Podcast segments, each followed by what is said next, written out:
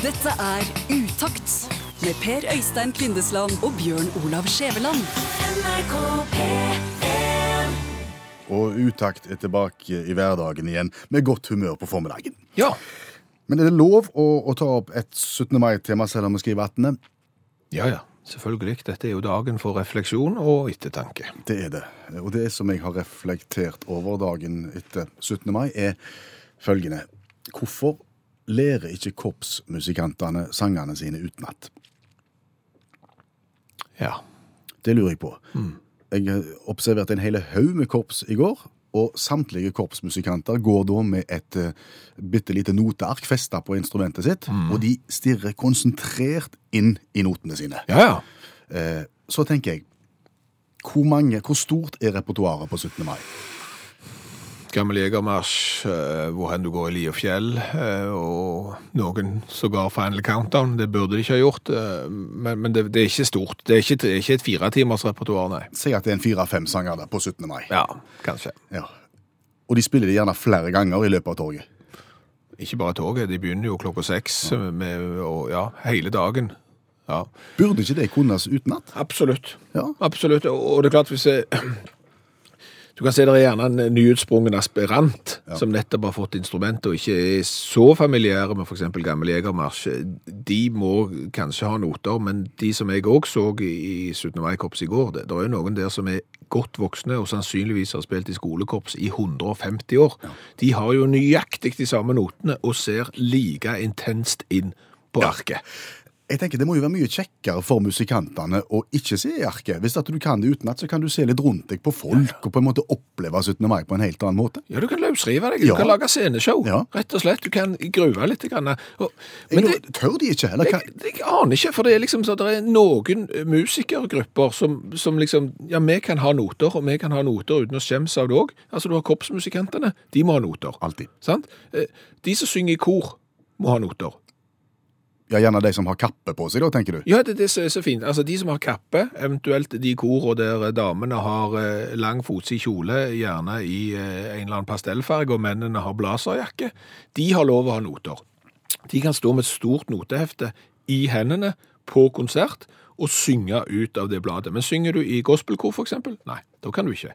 Da skal du stå og danse og være med, liksom. Men, men de som synger klassisk, de har lov. Spiller du da i et symfoniorkester, ja, da skal du ha noter. Ja, ja, men sant. Bortsett fra hvis du er solist. Da kan, du, da kan du spille uten. Ja, da, han, Solisten skal ikke ha noter, men det er akkurat sånn, spiller du et klassisk instrument, så har du lov å ha noter bare du er mer enn to. Ja. Men så tenker jeg at et svært symfoniorkester de skal jo gjennom et svært verk. Eh, det er ikke sikkert at det er så lett å lære seg alt det utenat. Nå tenker jeg i forhold til korpset igjen, som da har gammel jegermarsj. Altså, men la- oss være enige i det. Rockeband eksempel, de har ikke lov å ha noter på scenen. Nei. Det vil se aldeles tåpelig ut hvis ACDC eh, rigget til notestativ, og, og Angus Young og, og guttene der måtte bort og kikke midtveis i gitarsoloen hvordan det nå egentlig var. sant? Ja. Det, det er du enig i. Og så sier du ja, men det kan hende de andre spiller sånn vanskelige, kompliserte, lange musikk, og at det er liksom ett nummer. Har du hørt Genesis, eksempel? Mye. Altså, De har jo små, korte viser på 12 minutter. Fra, fra gammelt av, og 17 og 24 og sånn, og de spilte jo de live, og, og de kunne det utenat. Og de spilte gjerne en konsert på to og en halv time med bare lange eh, sanger, og de hadde jo ikke noter på noe av det. Nei. Og det er kjempevanskelig. Og som du sa selv, solisten sammen med et symfoniorkester Ja. klarer det jo. Ja. Og det er kanskje enda mer avansert det han skal gjennom. Ja. Nei, eh, jeg er helt enig, og jeg vil bare si det, altså når jeg spilte i korps, det begynner å bli lenge, lenge, lenge siden, eh, når jeg spilte tverrfløyta, da, spilte jeg i 17. mai-korps uten noter. Du spilte uten noter. Jeg spilte uten noter. Du spilte ikke 17. mai-korps, du. Jeg har spilt i korpset på 17. mai, jo. Hva spilte du da? Tverrfløyta spilte jeg, sier jeg jo. Spilte du tverrfløyte? Jeg mimte. Og det er med glede jeg konstaterer at vi nok en gang setter deltakerrekord i verdens vanskeligste konkurranse. Folk er ikke redde for å melde seg på. Nei, og svært mange har klart inngangsspørsmål òg. Hva heter du, og hvor bor du? En av de er Grete. Hun har svart eh, Grete og Sarpsborg, og det er jo 100% korrekt. Hei, Grete. Hei, utakt. Vi, vi kjenner på oss at vi har veldig tro på deg i dag. Flott. Det har jeg òg. Kjempe. Det er et veldig godt utgangspunkt når vi nå skal snart gå i gang med verdens vanskeligste spørrekonkurranse. For det er ikke bare bare. Nei, Det tror jeg på. vi har verdens vanskeligste spørrebok, og, og det virker som følger. Du får ett spørsmål, eh, Grete, og så får du eh, ti sekunder til å tenke deg om før du avgir svar. Og skulle du være så fantastisk god at du klarer å svare rett, så skal du få gladjodling. Og to T-skjorter med V-hals. Eh, Blir det feil, så blir det tristjodling. Og ei T-skjorte med V-hals. Ja, nei, vi går for gladjodling. Vi går for gull. Ja, det er Ja, går for gull. Da er konseptet oppfatta. Ja. Vi er klar. Vi spiller verdens vanskeligste konkurranse. Og det var jo svært mange som gikk med heliumballong på 17. mai i går, og dagens spørsmål handler litt om ballong og ballonghistorie. For det første utkastet til en eh, luftballong det ble gjort av en jesuittpartner som heter Lana på 1600-tallet. Men de som står som ballongens egentlige opphavsmenn, det er franske papirfabrikanten Josef Montgolfier, som i slutten av 1782 sendte til værs en liten sånn en silkepapirpose fullt med, med varmluft, og han gjorde det sammen med, med broren sin. Og spørsmålet i dag er, hvilke tre levende vesener, hvilke tre levende vesener var de aller første som ble løftet opp i lufta ved hjelp av en ballong? Det er sikkert en Ja, hva skal vi se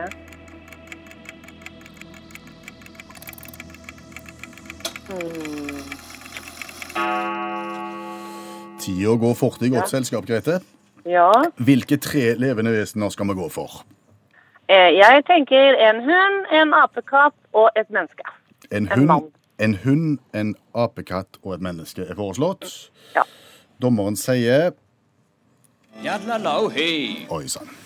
Ja, dessverre, De, dessverre.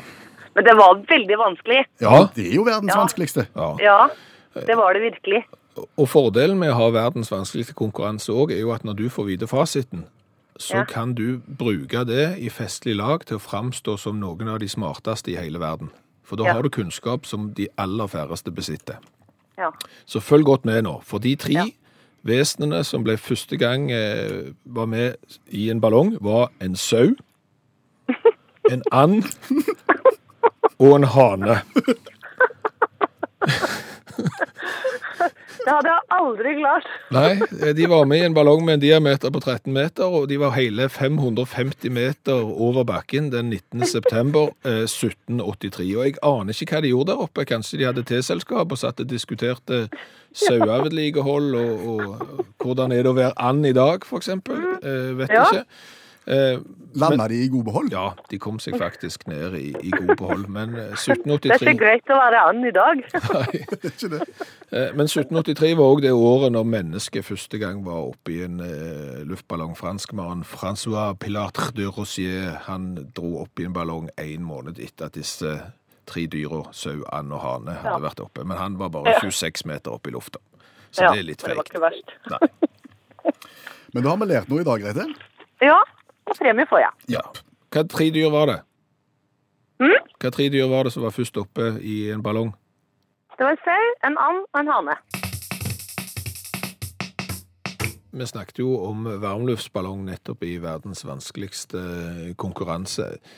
Og det var jo noen som hadde en ballong som gikk til værs i, i går òg, på 17. mai. Eh, og i går på 17. mai så var jeg hellig overbevist om at eh, heliumballonger med motiv gjerne av superhelter og, og små dyr var altfor dyre. I går var du hellig overbevist Ja, om det. ja, det var jeg. Betyr det at du har skifta mening i dag? Ja, i dag mener jeg at de er altfor billige.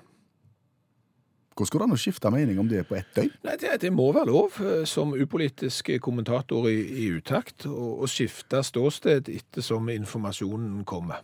Da må vi gjerne begynne med gårsdagen, da, hvor du da hevder hardnakka at heliumsballonger som blir solgt på 17. mai, er altfor dyre. Ja, fordi at det, det ble solgt der som jeg bor, der ble det solgt heliumballonger, og, og mange andre plasser òg. Og 100-150 kroner kosta jo en sånn en eh, heliumballong. Og jeg sjekket opp på internett hva det kosta å kjøpe selve ballongen uten, helium i, og det er jo en femmer eller noe sånt.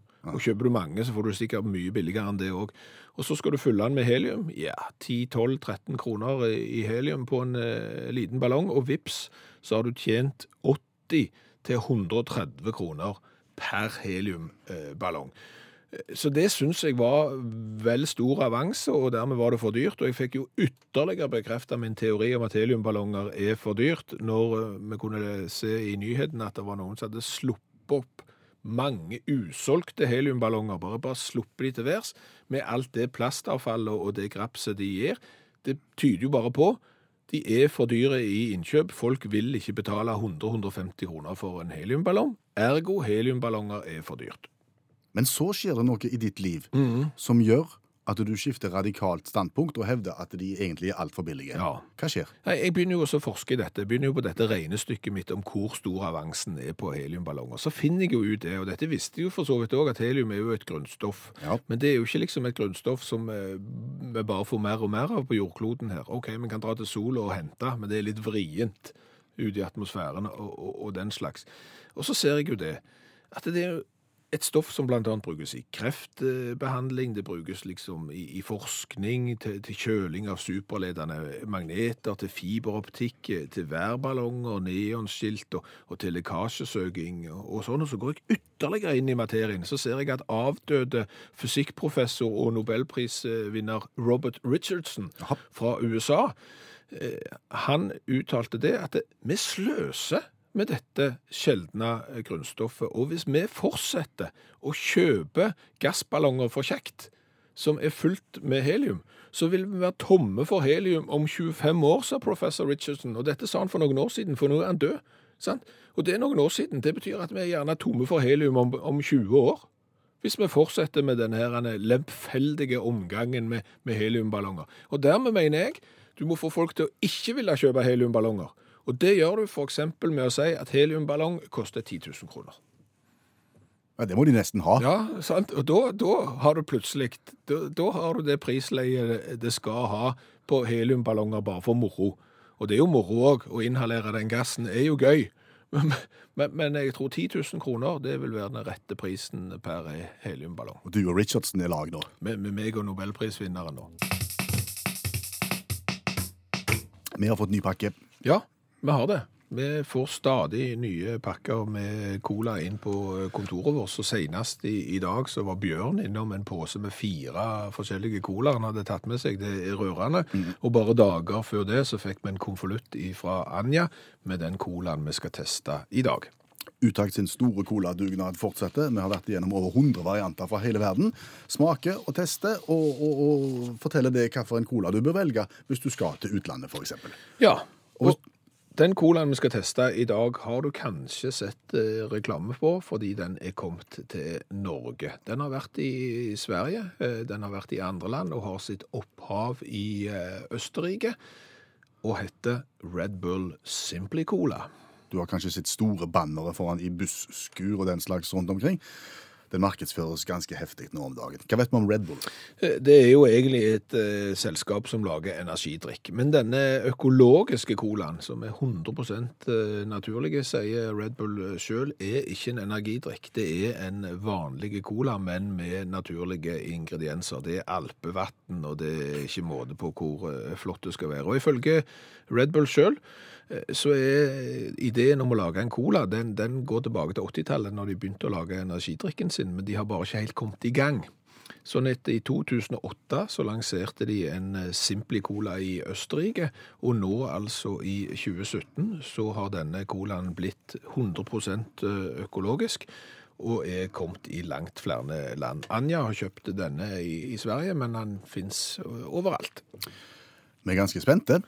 Eh, Designet, skal vi si litt om det? Ligner veldig på energidrikkdesignet til Red Bull. Det er den blå fargen på skrått sammen med den røde fargen og sølvfargen fra boksen i et tynn stripe midt på. En høyreist, slank liten sak av en boks på 355 milliliter. La oss smake på Red Bull Cola. Økologisk med alpevann. Med alpevann og mye mer enn det òg. Der er jo eh, Eller galang, galangal og ingefær og sitron og colanøtt. Det er ikke måte på hvor flott det skal være, dette her. Hvis du ikke har hørt dette før, så skal du vite at vi nå smaker først og gir karakter fra 1 til 10 på smak, og så tar vi en runde på designet etterpå. Vær så med- god. Vi begynner med smaken. Det er ikke den mørkeste colaen vi har testa. Den her er litt som uh, sterke te Ja. i fargen. Lett gjennomsiktig. Smaker, lukter Gammelt heldekningsteppe fra England.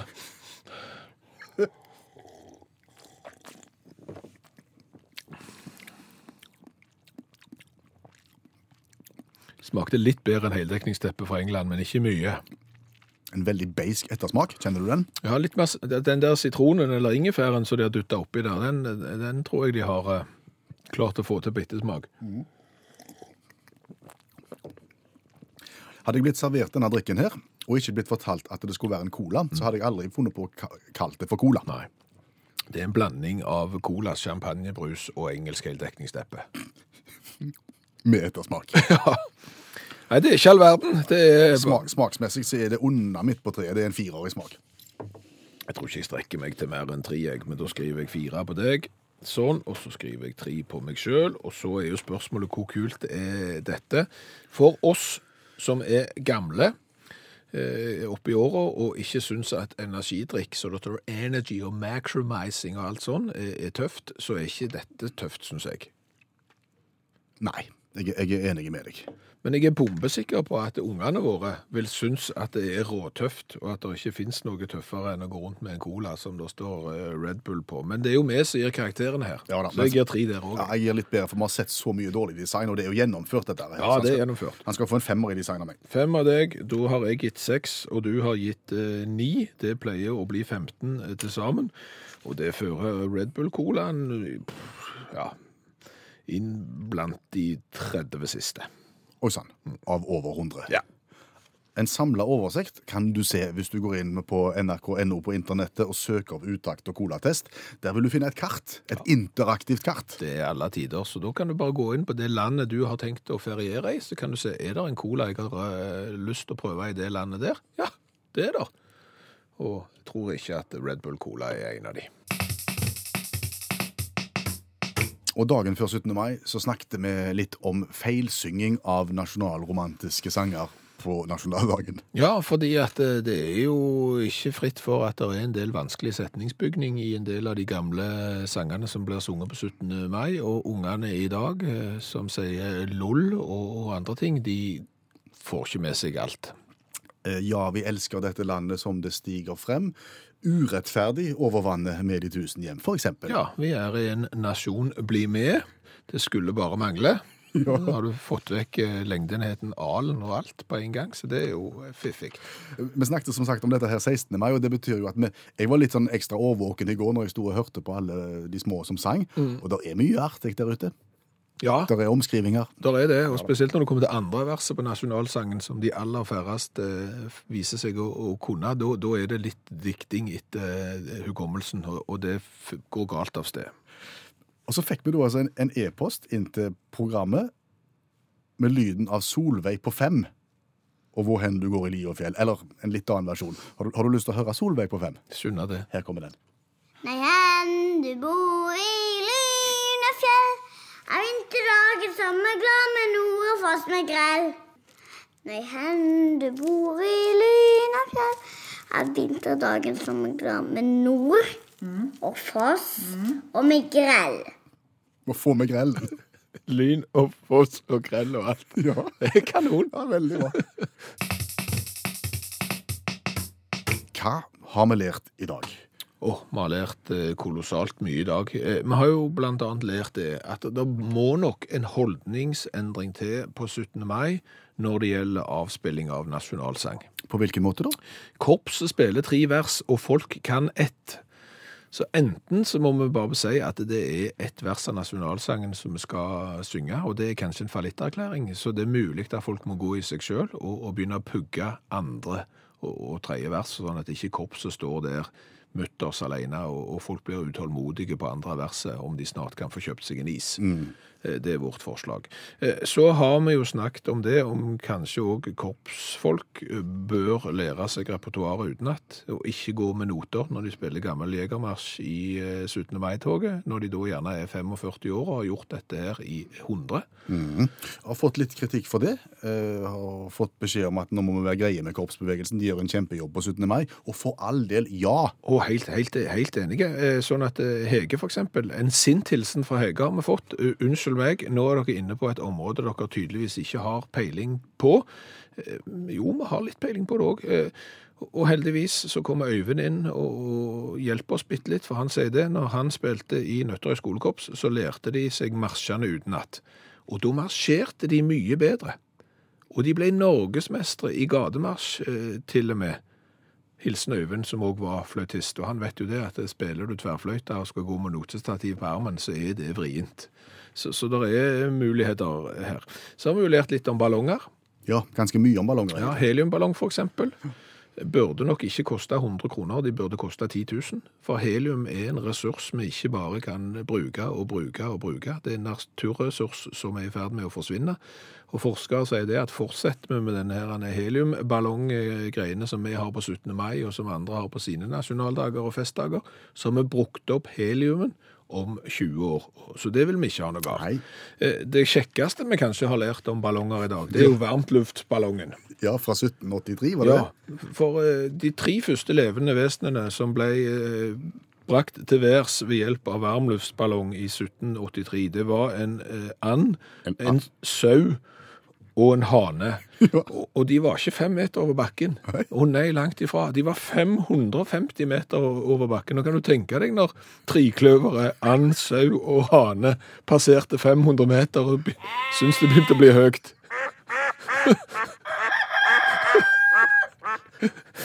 Da tenker jeg sauen Sauen ble nervøs og ville ned, mens anden sa jeg bare flyr ned jeg, i tilfelle det går gale. Dette er Utakt med Per Øystein Kvindesland og Bjørn Olav Skjæveland. NRK P3